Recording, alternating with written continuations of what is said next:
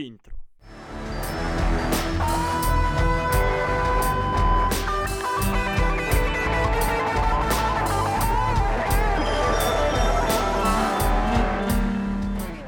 Samochód, zadra, topnienie, bezpieczeństwo, więc nas.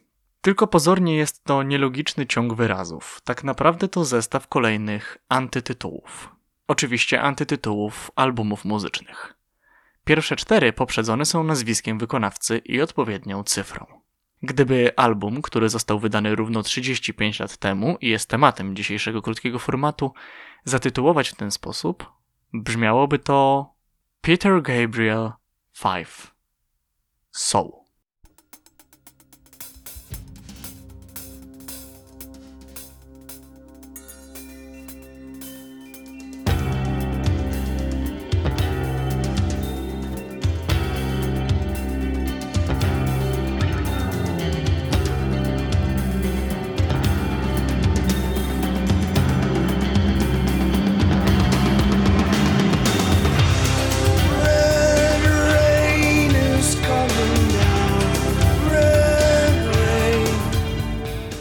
Zostało jednak samo Soul, do dziś najpopularniejszy album Archanioła muzyki. Nigdy nie było mu po drodze z komercją, wzbraniał się od fleszy, ale przyszedł czas, że w zasadzie ona sama do niego przyszła. I to wcale nie dlatego, że bardzo jej chciał, ale dlatego, że na nią zasłużył. Nie zrezygnował ze swojego stylu, co najwyżej go zmodyfikował. Od pierwszych dźwięków Red Rain można usłyszeć zderzenie duchowości i fizyczności w tytule, w tekście, w zawiłej technice i przede wszystkim w wokalu, który pozostaje głównym bohaterem krążka przez wszystkie jego obroty. Stąd w stronę sukcesu artystycznego i komercyjnego popycha wielość środków. Zderzenie metaforycznego czerwonego deszczu z młotem kowalskim. Harmonicznych, perfekcyjnych technicznie riffów basowych Tonego Lewina, afrykańskich żywiołowych perkusjonaliów, eksperymentalnych syntezatorów, wielobarwnych wokalis. I niby mniej eksperymentalnie niż w Genesis czy w początkach kariery solowej, a jednocześnie nadal bardzo niestandardowo. Do dziś myślę o tym w ten sposób, że po prostu przyszła pora na nieco ironii.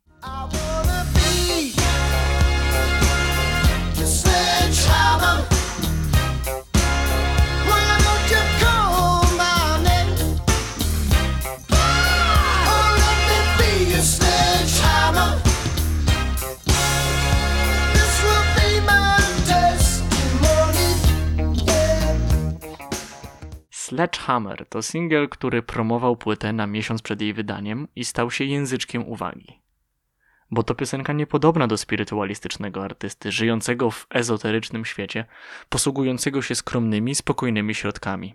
Takimi jak flet na początku. Więc skąd ta orkiestra denta? Okazuje się, że z Otisa Reddinga, ale przetworzona. Do tego stopnia, że do dziś na wpół absurdalna, choć absolutnie niezwykła piosenka jako jedyna autorstwa Gabriela znalazła się na szczycie listy Hot 100 Billboardu, zastępując na pierwszej pozycji Invisible Touch z najnowszej płyty Genesis, co jedynie podkręcało atmosferę.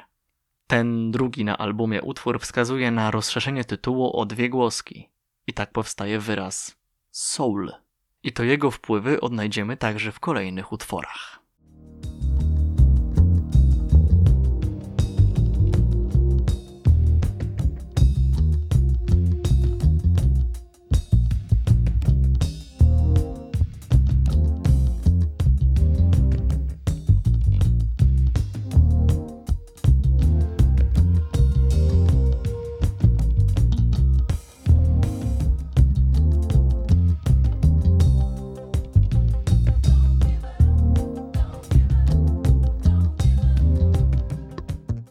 Choćby w tym outro pięknej, zaangażowanej politycznie ballady w duecie z Bush.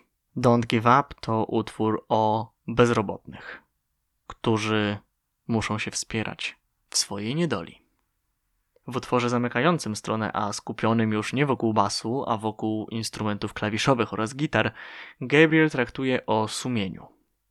W spokojnym, duchowym klimacie pozostaje także po obrocie płyty. Strona B rozpoczyna się od In Your Eyes, choć w pierwszej chwili miał to być utwór zamykający. I tak właśnie jest, ale dopiero w reedycjach. Jedna z najlepszych piosenek Gabriela o miłości, podszyta wokalizami Josundura w melodyjnym języku Wolof.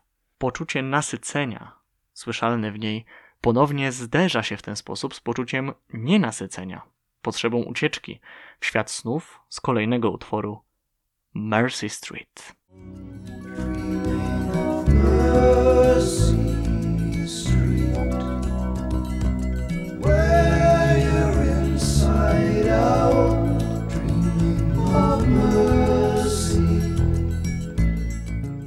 Do końca powstają jeszcze dwa zderzenia. Pozostają bowiem funkowa, wystrzałowa piosenka Big Time, ponownie polityczna, i wyciszenie, choć lekko hymniczne We Do What We're Told. W kolejnych wersjach dodana jest jeszcze kompozycja This Is The Picture. Wszystkie potwierdzają, jak bardzo złożony jest album Soul, który uczynił z Petera Gabriela gwiazdę drugiej połowy lat 80., przyniósł mu nawet nominację w głównej kategorii Grammy. Przede wszystkim pokazał jego osobę w całej okazałości i szerszej publiczności. Wpisał się w swój czas i nabrał znaczenia albumu totalnego, co w dyskografii muzyka progresywnego, artysty, jest wielką nobilitacją i stawia soul wśród takich dzieł jak Station to Station, Inner Visions oraz Nothing Like the Sun.